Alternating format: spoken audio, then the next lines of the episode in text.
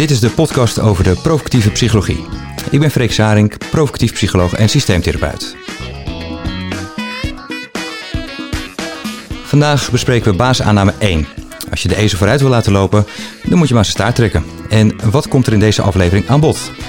We gaan kijken naar wat deze aanname inhoudt. Hoe ziet het er in de praktijk uit?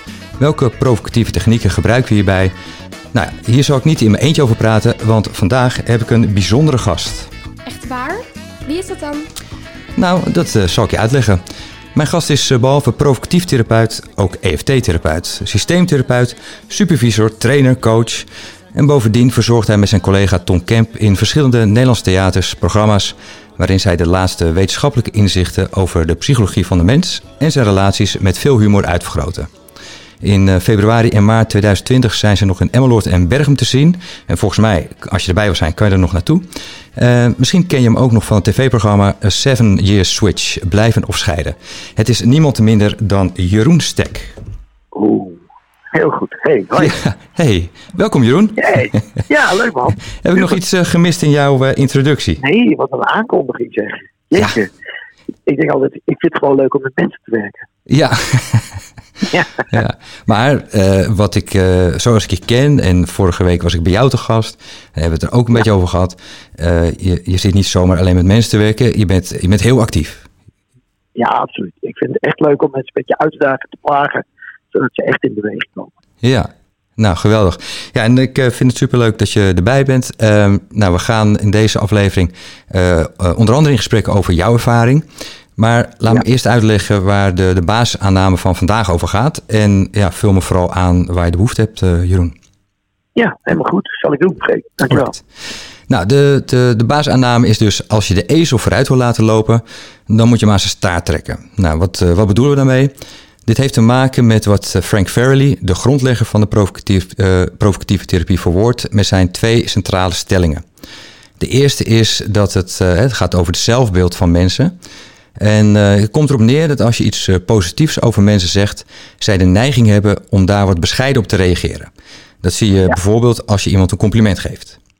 Nou, ja, dan denken ze, ja, dat valt best een beetje mee. Of ja, mensen toch? zeggen dan bijvoorbeeld, het is een heel mooi jurkje. Ze ja, maar dat was in de aanbieding. Ja, ja precies. ja. Nou ja, en, en wat je dan eigenlijk ziet, is dat, dat het positieve wat je probeert over te brengen, dat ze het eigenlijk kleiner maken. En daarmee eigenlijk in de tegenovergestelde, in dit geval dus de negatieve richting bewegen. Toch? Klopt. Ja, ja absoluut. En nou, dan zie je dat veel cliënten in de therapiesetting juist te maken hebben met een zelfbeeld dat in meer of minder negatief is. Dat zal niet voor iedereen gelden, maar uh, veel cliënten die, die naar therapie of coaching gaat, die, die hebben dat wel. En dan kan de neiging bij de therapeut uh, bestaan om juist het positieve te gaan benoemen in het steunen van de cliënt of het opbouwen van de therapeutische relatie of misschien gewoon om aardig te zijn. Maar het vaak is dan vaak dat de cliënt die positieve woorden te niet doet met de gedachte, ja, dat zeg je ook alleen maar omdat je mijn therapeut bent. Dus dat is dan eigenlijk verspeelde moeite, toch? Ja, toch? Ja, ja. Ze denken, ja, daar klopt niks van. Nee, nee. nee ik ga je bewijs dat ik veel slechter ben. Ja, precies, precies. Ja, nee, en, en uh, wat ik dan ook vaak hoor is dat ze zeggen van ja, nee, mijn partner die zegt het ook inderdaad. Maar ja, goed, ja, weet je, die wil natuurlijk ook uh, mijn humeur een beetje opbeuren. Maar ja, of hij het meent. Dus, mm. nou ja, dus eigenlijk is dat in, in, in, ons, in ons werk uh, ja, zonde van de tijd. Als we namelijk diezelfde cliënt met een provocatieve benadering, hè, dus uh, goed contact, met humor, en dan gaan uitdagen door mee te gaan in het negatieve zelfbeeld van de cliënt.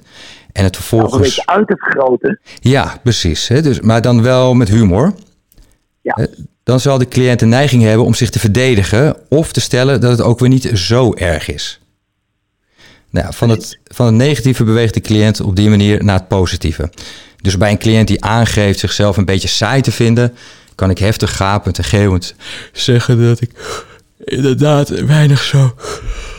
Oh, waar hadden we het ja, over? Dan zeggen ze: het valt best een beetje mee. Ja. Ik ja. best wel leuk. Ja, precies. Ja. Nou ja, vaak moeten ze dan lachen. En dan zeggen ze: Nou ja, ik, ik heb toch ook wel leuke kanten. nou ja, het feit dat ze alleen nog die vraag stellen, dan zeg ik: Nou, ik, ik weet het niet hoor.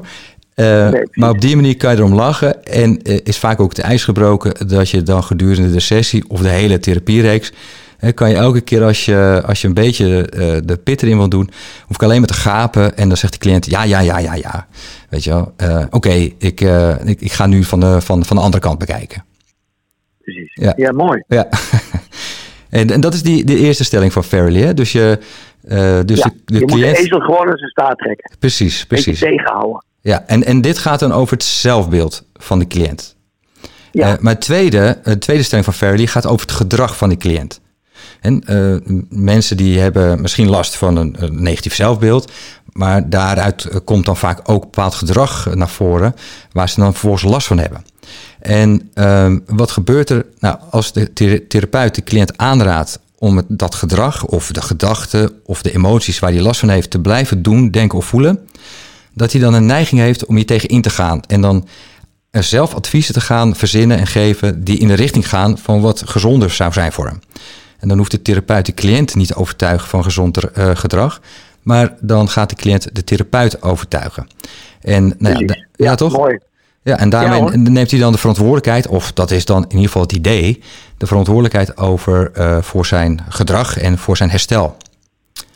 Nou ja, misschien ehm, voor de, de luisteraar die zelf eh, eh, werkt met cliënten, herkent het misschien wel als je bijvoorbeeld ervaring hebt met iemand die nou, wat somber is, misschien wat depressieve klachten heeft.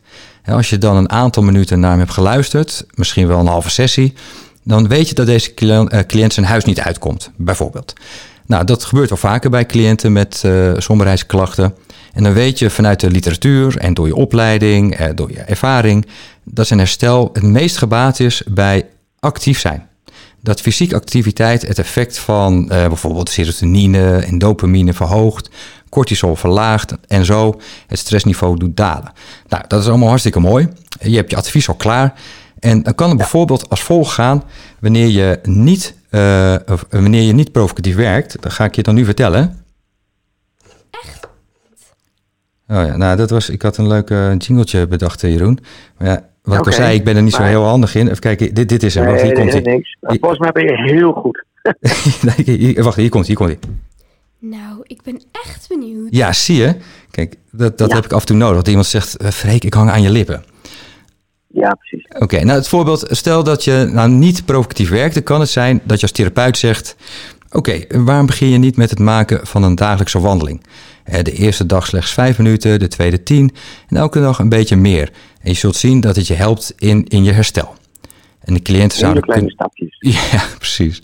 Ja, en de cliënt kan dan zeggen: Oké, ik begrijp het. Ja, weet je, in mijn wijk zijn de trottoirs echt heel slecht. En ja, ik weet het niet hoor. eh, De mensen, ja, die zijn ook niet echt sympathiek. Ik begrijp wat je me vertelt, maar ik, ik geloof niet dat het bij me past. Hè, Dus dat zou een reactie kunnen zijn eh, als je niet provocatief werkt. Als je provocatief werkt, bezwaren maken. bezwaren maken, het, het, het, het aardig vinden dat je, dat je ermee komt, eh, maar uiteindelijk, het, het is hem net niet. Ja, dus een cliënt kan het steeds afserveren. Maar als je de eh, staart van de ezel gaat trekken, dan kan het volgende gebeuren. Als therapeut zeg je dan, nou kijk, op basis van wat je hebt gezegd, kan ik alleen maar concluderen dat het het beste is om niet meer uit je huis te komen. Ook niet om naar onze afspraak te komen. Het is beter als je de hele dag thuis blijft, dat je zelfs je bed niet meer uitkomt. Waarop de cliënt kan zeggen, ja serieus? Maar ja, ik geloof niet dat dat goed voor me is hoor. Ik word gek als ik in huis blijf en niet meer naar buiten ga.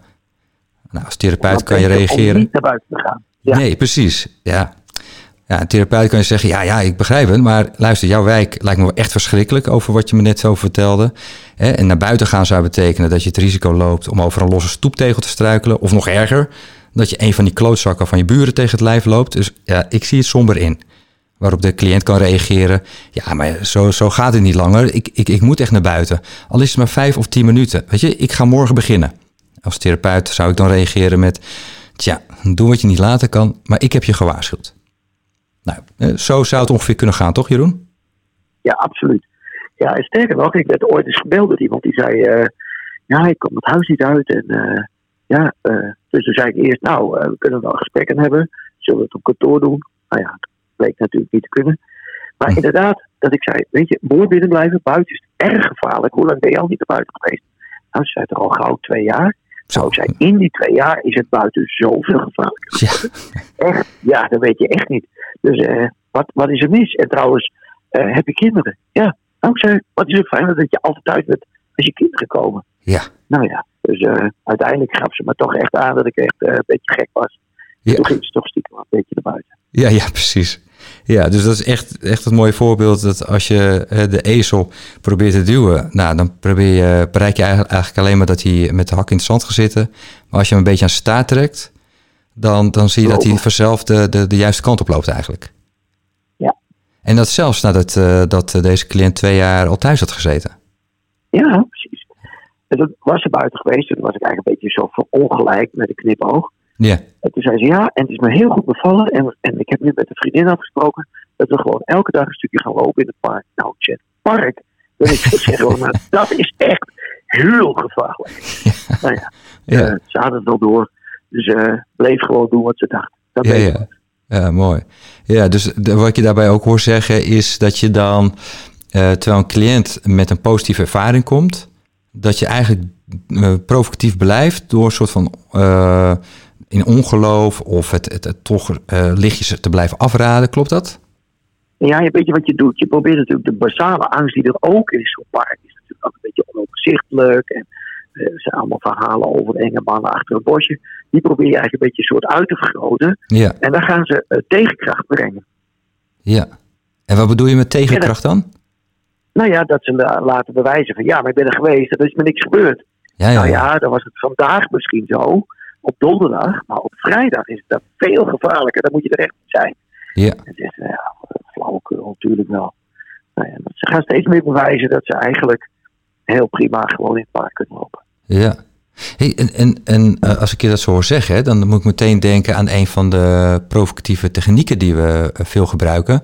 Eh, eentje daarvan is eh, dat eh, nou, Jaap Hollander en Jeffrey Wijnberg, eh, de, de, de, de, ja, de pioniers op provocatief gebied in Nederland, die, die hebben op een gegeven moment, het, het, het is toch fantastisch Matrix uitgevonden. Om Ja, dat is Allemaal- toch prachtig. Ja, ja, en, en dat zijn allemaal argumenten. Ehm, eh, of dat, is, dat is een hulpmiddel om argumenten te verzinnen waarom het op korte of lange termijn voor de cliënt zelf of voor zijn naaste omgeving voordelig is een probleem te blijven doen of waarom zijn doel om te veranderen onmogelijk of nadelig is. Nou, een heel matrix. En, Ja. ehm, ehm, en, en volgens mij wa- was het voorbeeld wat je net gaf, eh paste daar heel mooi bij, of niet? ja, absoluut. Bijvoorbeeld wat ik zei over die kinderen. En dus voor de naaste omgeving. Als je nou je probleem niet meer doet, dan zouden ze zomaar sleutelkinderen worden.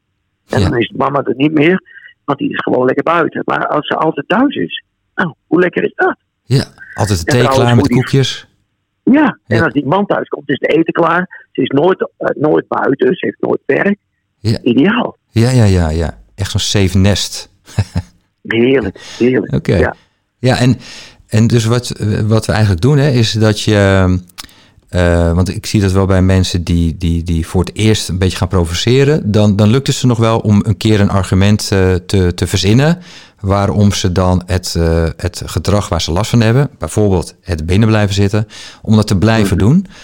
Maar de ervaring is dat als je maar één keer een argument gebruikt, dat de cliënt dan misschien even van zijn apropos is, om daarna weer terug te keren naar zijn verhaal dat hij altijd ophangt.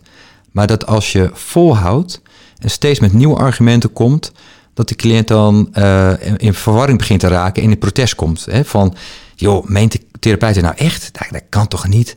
Nou, hij zal er wel een Ja. bedoeling mee hebben. Nou zegt hij weer dat ik niet moet veranderen. Ja, wacht Nou ja, even, dat wil ik niet. Omdat je, omdat je altijd lekker binnen blijft, ja, dan zou er altijd wereldvrede zijn. De maatschappij heeft er ook veel meer aan Ja. als mensen gewoon lekker binnen blijven. Ja, En dan gaan mensen echt een beetje denken, hè, wat zegt hij dan toch? Ja. En, en moeten die argumenten dan altijd eh, hout snijden? Dat, eh, dat is ook nog eens kloppen? Nou, het leukste vind ik altijd als je eh, een soort, zeg je nou, kijk, uit wetenschappelijk onderzoek is gebleken. Ja. Ja, en dat blijkt dan helemaal niet zo te zijn. Dat hele wetenschappelijk onderzoek is er niet. Maar als je het wel gewoon, ja, ten tonele voert. Dat mensen echt denken, wow, weet je, er is zelfs wetenschappelijk onderzoek over. Ja, ja. Gaan ze nog meer geloven. Ja, ja, ja, ja. Ja, ja. oké. En, en is dan de bedoeling uiteindelijk dat ze het gaan geloven... of dat ze op een gegeven moment denken... ja, wacht even, dat, ja, de, Nee. de- dit kan niet. Uiteindelijk moeten ze natuurlijk tegenkracht maken. En denken Ja. van die, eh, die, die therapeut, ik weet niet hoor, maar die neemt de boel een beetje op de haak. Maar volgens mij is het goed als ik wel gezond blijf leven, of als ik wel lekker naar buiten ga, of als ik wel Ja, doe wat goed voor mij is. ja. Oké. En, en eh, ik weet niet of, dat, eh, of, of, of, of je dat herkent. Want ik, ik leg wel eens aan cliënten ook uit. Eh, als een vraag van, hé, maar wa- waarom werk je nou zo? Ik zeg, nou, ik, ik, ik zal je uitleggen. Ik geef eh, echt bijna nooit eh, echt advies. Ik geef eigenlijk altijd onzinadvies. En de reden daarvoor is dat tegenwoordig iedereen, of je nou je, je, je basisschool maar net hebt afgemaakt, of, of dat je nou hoogleraar bent, maar iedereen die weet inmiddels wel een beetje wat, wat handig en gezond voor hem of haar is. En, en toch kom je dan hè, naar een psycholoog eh, voor een tip. En, eh, en vaak ligt het niet aan de intelligentie van mensen om te bedenken wat, wat handiger is. Dat, dat, dat kunnen mensen echt wel zelf. Maar Ja. het, het is vaak de emotionele drempel om het echt te doen. ehm, wa- wat het probleem is. Dus daarom geef ik eh, eigenlijk geen echte adviezen. Vaak overtrokken of onzinadviezen of tegenstelde adviezen. Adviezen waardoor de cliënt ehm, in protest komt. En dan zelf wel bedenkt en kan bedenken. Nou, ik, ik ga iets doen wat volgens mij veel gezonder is. Lijkt me een hele slimme. Ja, toch? Ja, absoluut. Ja. Ja. Hey, en Nou ja, plus dat mensen eh, al die goed bedoelde adviezen vaak naar zich neerleggen. ja. En dat is ook, ook een beetje triest. ja, voor ons dan. Ja, precies. Ja. Als therapeut word je weer teleurgesteld. Ja, En er zijn er genoeg die dan zeggen, ah, dat hindert niks. Nou, het is het wel. ja. Ik vind er niks aan als ik een advies geef dat mensen het niet opvolgen. Nee, exact. Nee. En dat heeft dan eigenlijk ook te maken met die verantwoordelijkheid die je dan verlegt. Hè? Dat je in plaats van eh, als, als de therapeut of coach de verantwoordelijkheid hebt voor verandering, dat je de verantwoordelijkheid eh, teruglegt bij de cliënt. En eh, dat die cliënt aan de bak moet. Ja, precies. En jij zegt ook niet voor niks. Die mensen weten heus wel wat goed voor zichzelf zijn. En wat, wat een waardeloze of wat een goede manier is om ermee om te gaan. Alleen ja, je moet het wel even durven en willen doen. Ja, ja. Nee, precies, precies. Ja, en dan is dat de provocatieve manier van werken is, is vaak net het setje om eh, wel over die drempel te gaan, om het, om het maar wel te gaan doen, ook al vind je het spannend. Je wordt even uitgedaagd. Ja, oké. Hey, en en nu we het toch over de provocatieve techniek hebben, ik, ik had nog bedacht, er is, er is nog één techniek die we veel toepassen, en dat is de provocatieve bijnaam. Ja. Ehm, eh, nou, en, dat is eh, volgens mij een leuke manier om, om een grappige definitie van iemand te geven, eh, die vaak een negatieve kant van, van, het, van de cliënt benadrukt. In ieder geval een, een negatieve kant van zijn zelfbeeld. En ja, soms komt hij meteen al bij je op, soms pas in de loop van een sessie. En soms verandert het ook in de loop van de sessies. Een, een cliënt uit mijn boek noem ik bijvoorbeeld stelselmatig Paula doet er niet toe. Omdat zij het gevoel had door haar man en door collega's en leidinggevenden ja, niet echt serieus genomen te worden. Of in een behandeling met een echtpaar noemde ik eh, haar Christina de schuldige, omdat zij zich door, door, doordat zij eh, chronisch ziek was, voelde zich eigenlijk schuldig over de problemen in de relatie. En hem noemde ik Carlos de afwezige, omdat hij ja, er niet mee om kon gaan en dan maar veel eh, ging werken, sporten met vrienden op pad. Dus ik noemde haar steeds de schuldige en hem de afwezige. Ja, En- precies. Ja, ja. ja, ja. en op die manier eh, roep je elke keer weer het gevoel van protest op. Eh, breng je de cliënt in beweging naar het bewijs van het tegendeel. Hè, dus, dus het positieve van, van zichzelf. Wat ik me afvraag is, ehm, is het iets waar jij veel gebruik van maakt, die provocatieve bijnaam? Nou ja, eh, soms wel. En, en vooral leuk, ik had ooit eens een meneer. Ja, dat was echt een soort, ja, een soort hele trage, slome duikelaar, weet je wel. Ja, hij stond ook altijd heel moeizaam op. En hij moest over alle vragen heel diep en langzaam nadenken. En die noemde ik altijd Speedy Gonzales. En dan eh, zat hij in de wachtkamer. En dan deed ik de deur open en zei ik, Speedy, kom maar. En dan stond hij heel traag op. Maar uiteindelijk, door, door zo'n provocatief bijnaam, op een of andere manier zag ik hem steeds een beetje meer versnellen en, en, en alerter worden. Dus uiteindelijk werd hij wel een eh, soort halve Speedy Gonzales. Ja, ja, ja, ja, precies. Mooi. Ja, dus het is eigenlijk gewoon überhaupt gewoon een, een, een, een, een, eh, bijnaam geven over wat hij niet is. Ja, precies, het tegenovergestelde, want hij wilde eigenlijk wel ja, wat, wat remmer en alerter zijn. Maar hij was gewoon een soort, ja, hij had een beetje gedacht, ik kijk gewoon naar de wereld, ik ben toeschouwer van het leven. Ik doe niet echt zelf mee, ik ga niet heel erg veel bewegen. ja, Dan stel je voor, maar uh, nou, doordat ik hem een beetje plaagde en uitdaagde en Speedy Gonzales noemde, kwam ik steeds meer in een soort snelheid. Ja, oh mooi. Mooi. Ja. Ja, dat is echt Hey, en eh, Jeroen, ehm, eh, ik ben eh, eh, heel erg benieuwd en ik niet alleen. Eh, luister maar. Nou, ik ben echt benieuwd. Ja, zie je, er is nog iemand die is echt benieuwd. Ehm, oh, echt benieuwd. Ja, echt benieuwd. ik ik eh, was eh, vorige week eh, bij jou op een training en een van de oefeningen die je, die je deed en die ik, waarvan ik hoop dat, dat ik de toestemming heb om die van jou te jatten, is dat je in, in het voorstellen van mensen, dat je vraagt, wat is je slechtste eigenschap?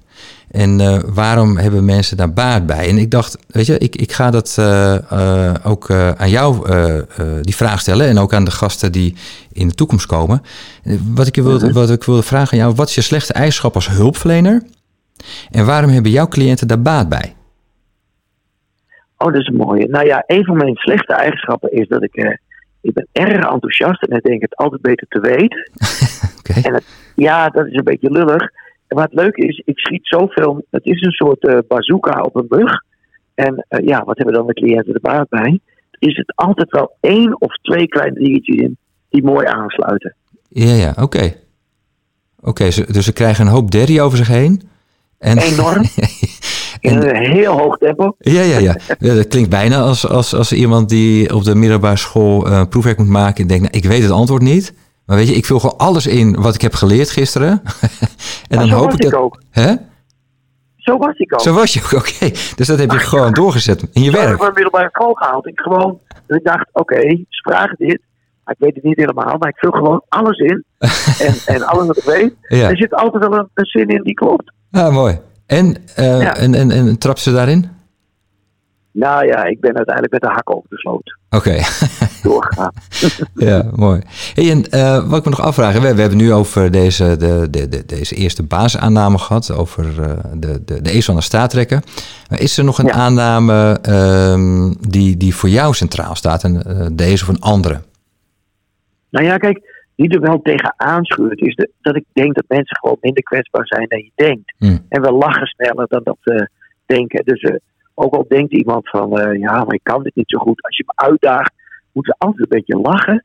En eh, humor helpt enorm om je over de eigen drempels heen te trekken. Ja, ja. ja. Dus die vind ik zelf altijd heel leuk. Ah, oké. Ja. En, en, en, en wat En jij levert... dan? Voor mij, ja, ehm, Ja. wat... wat er een beetje tegenaan zit, zullen we zeggen. Nou, wat, ehm, ik, ik heb de, de basisaannames zoals Hollander en Wijnberg, die, eh, die hebben benoemd, heb ik ietsjes aangepast. Eh, niet allemaal Mhm. hoor, maar, maar eentje heb ik zeg maar toegevoegd. Dat gaat over de interne tweestrijd van cliënten, eh, de Ja. ambivalentie. En eh, die, eh, die sluit heel erg aan, volgens mij, op het aan, de, de aan de staart trekken. Ik ga er altijd vanuit dat mensen, als ze hulp zoeken, op zijn minst twee kanten hebben. Eén kant is, ik wil een verandering, want daarom zoek je dus hulp. Ehm, Maar dat ze ook een kant in zichzelf hebben die die verandering tegenhoudt. Want ja, als ze die kant niet hadden gehad, dan hadden ze ook geen hulp hoeven zoeken. Dan waren ze gewoon gaan veranderen. Dus een Ja. cliënt die bij je binnenkomt, die heeft op zijn minst altijd die twee, twee, of die twee strijd, zeg maar. En ehm, nou, daar eh, ga ik later ook nog verder op in, want dus, daar heb ik een aparte basisaanname van eh, gemaakt. Ehm, maar ik put vaak uit dat idee hè, eh, dat, eh, dat er een, een, een andere kant zit die zegt: Oeh, dat durf ik niet. Oeh, ik weet niet of ik dat wel kan. Oeh, eh, ik weet niet of mensen in mijn omgeving er wel blij van worden. Oh ja. Dus dat idee gebruik ik in die Het is toch fantastisch matrix. Om bijvoorbeeld aan te geven, joh, blijf gewoon doen wat je doet. Want joh, als je gaat veranderen, je man die weet toch niet wat hem overkomt, joh.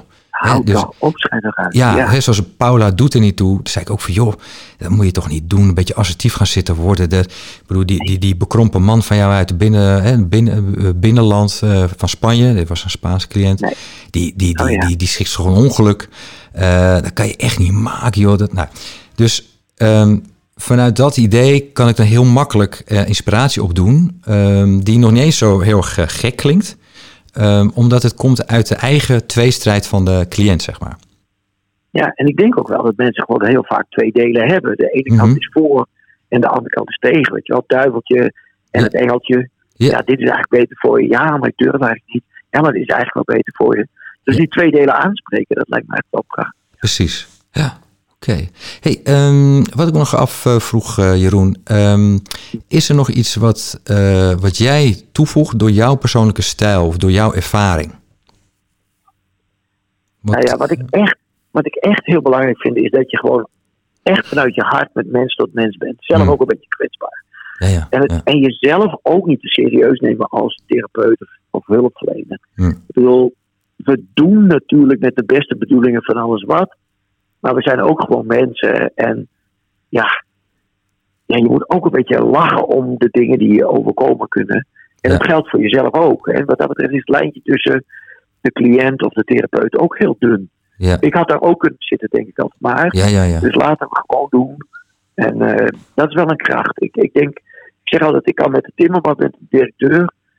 Gewoon omdat ik als mens probeer een ander mens te, te ontmoeten. ja. En eh, met een lach een beetje uit te dagen op, eh, op de wens voor de verandering. Mooi. Ja, ja mooi. Oké. Ja. Hey, en- Dat is ook weer diep, hè? Heel diep. ja. Nou ja, ik, ik moet ook denken dat eh, in, in de aankondiging eh, vertelde ik over wat je allemaal wel niet doet. En dat is veel. Ehm, Maar je, je, ja, je, hebt, je bent bijvoorbeeld ook EFT-therapeut, je bent systeemtherapeut. Ja. Dus je gebruikt andere stijlen van hulpverlenen. Ehm, ehm, dus en, eh, daar past het volgens mij ook wel bij. Ik moet meteen aan het EFT denken als je gaat over contact maken met mensen. Dus als je, Ja. hè, als, als je dat als therapeut eh, ook, ook hebt, dat dat, eh, dat het heel goed kan werken. Eh, maar hoe werkt in het algemeen voor jou eh, samen eh, dat jij eh, provocatief bent eh, en ook die andere eh type van hulpverlenen doet? Nou ja, ik denk altijd, ergens wil je gewoon heel graag de kwetsbare mens raken. Want op het moment dat je de kwetsbare mens raakt en de emotie, dan kan de, is er kans op verandering. Ja, en Hmm. soms moet je dat doen door echt serieus stil te staan bij de leed of bij de dingen die mensen meebrengen. En, Ja, ja. en, en dat het mistig is of dat het pijnlijk is. Ja. En tegelijk, als we daar zijn, ja, is het ook heel bevrijdend en heel fijn als je er samen humor op kan hebben. Ik denk dat het mooiste is als je en tranen voelt van verdriet en tegelijk ook een beetje moet lachen. Ja, En ja, dat vind ik het mooie van EFT en provocatief. Die twee brengen allebei. EFT is heel dicht bij de emoties, eh, serieus, rustig aan. Maar provocatieve maakt er altijd een soort kwinkslag in, die, die, die net op tijd mensen weer even in een ander soort ja, gemoedstoestand brengt. Mm. En, en samen brengt het tot verandering. En dat vind ik eigenlijk wel heel Ja, en volgens mij, als ik, eh, als ik je dat hoor, zo hoor zeggen, Jeroen, dan denk ik ook dat je, als je die meerdere kanten kent en, en kan inzetten, dan breng je ook eh, spanningsveld, eh, nog wat groter spanningsveld in de sessie. Als je alleen maar de hele tijd provocatief werkt, Nee, absoluut. Ja. toch? Dan, dan, dan zit je steeds Ja. aan die, die kant van het uitdagen. Terwijl als je kan spelen tussen vertragen, eh, tij- tijd, ja, tijd maken voor de emotie, ehm, Ja. die, daar ruimte voor geven. En dan ook toch weer naar de humor kan en naar de uitdaging kan. Dan creëer je een heel ander soort spanningsveld. Absoluut. Nee, maar dat is ook nodig. Ik bedoel, het is, het is fijn om soms een beetje op de oppervlakte, eh, maar ook door provocatie wel dieper te gaan. Maar het is Ja. ook mooi om weer even stil te staan bij, oké, wat gebeurt hier echt? Eh, hoe voelt dat? Hoe is dat? Waar doet je dat aan denken van vroeger? Dat is echt wel van belang. Ja, Dus ik, ik vind beide kanten echt heel belangrijk. ja, ik, ik eh, moet eh, ja, ter, ter afsluiting voor vandaag ook denken aan dat Hmm. ik op een gegeven moment eh, op een Spaanse universiteit een lezing gaf. En daar noemde ik ook deze, deze basisaanname over de ezel. Ja. En toen zei ik, en dat, dat heb ik echt gedaan, ik heb op YouTube gekeken naar, klopt dat nou wel? Als je naar de ezel aan zijn staart trekt, gaat hij dan ook vooruit? Gaat hij dan ook ja, dat kun je Ja, wel ja, zeggen, ja. maar... En, Echte en- ezels bedoel je? ja, echt ezels. Ik denk, ja, Oké. er zal vast wel iemand eh, zijn die het gedaan heeft en daar, eh, dat, dat op YouTube hebben gezet, toch? Dus ik op YouTube kijken, nou, niks. Op, op, op internet, niks. En toen Nee. was ik daar in Zuid-Spanje bij de Alpujarras. En dat is een gebied waar van oudsher ja, vroeger heel veel met muilezels werd gedaan. Dus ik denk, Oh, ja, ja. Ik, ik check het daar ook nog wel even, weet je wel. Van, hoe- ja, heeft, weet iemand dat? Nou, Ja, dus ze, moesten mij, ja, ze moesten mij ook het antwoord schuldig blijven. Maar goed, dan hadden we even een discussie over... Ja, in principe aan een ezel aan zijn staart trekken is natuurlijk ook wel een dierenmishandeling. Alleen Ja. wat jij net zegt, eh, kijk, je hebt iemand aan zijn staart trekken en je hebt iemand aan zijn staart trekken. Als je dat met warm contact, met humor doet, kijk, dan, dan krijg je het provocatieve effect. En als je er maar hard aan gaat sjorren, dat, dat is wat anders. Ja, dan doet het zeer. Ja, precies. Ja. Nou, dus volgens En het mij. moet eigenlijk geen pijn doen. Nee. nee, het, het moet. Het mag nou, wel even een beetje prikkelen, maar het Ja. moet geen pijn doen. Exact, exact. Dus volgens mij hebben we daar ook wel kern te pakken van, van provocatief werken, toch? Dat je. eh, Ja, absoluut. Je bent altijd warm aanwezig. Mensen Ja. moeten altijd een soort gevoel hebben. Meen je dit nou? Of is dat nou? Of zit je me nou een beetje te plagen? ja, En precies. dat is de juiste houding. Ja, ja oké, mooi. Eh, goed, eh, Jeroen. Eh, ja, dit was het voor deze aflevering. Nou, wat heerlijk. ja, Hoe, hoe heb je het gevonden om bij te dragen aan deze podcast? Ja, eh, om maar even te zeggen, de ezel zijn staart te trekken. Ik vond helemaal niks. Nou, nee, ik vond het superleuk. Ik ben heel erg blij dat ik even mee mocht doen. En ja, helemaal top. Ja, leuk. Hey, en eh, ja, ik wil jou heel erg bedanken. En eh, nou, misschien gaandeweg dat er nog een keer een ander thema is eh, waar je het leuk vindt om daaraan bij te dragen. Ja. Super. Leuk. Hey, succes eh, nou, met je theatertour in 2020 en, en alle andere projecten die je hebt. Kunnen we trouwens binnenkort goed. nog iets van je verwachten, Jeroen? Ja, nou ja, ik ben volop bezig. En ik heb verder nog gespeeld. Dus wie weet, en we zijn bezig met een nieuwe voorstelling. Eh, die heet Geluk wat een gedoe. Want jongens, geluk is toch ook een gedoe. dus eh, daar zijn we mee bezig. Ja, Top. nou, Hey, en goed. jij eh, met je boek?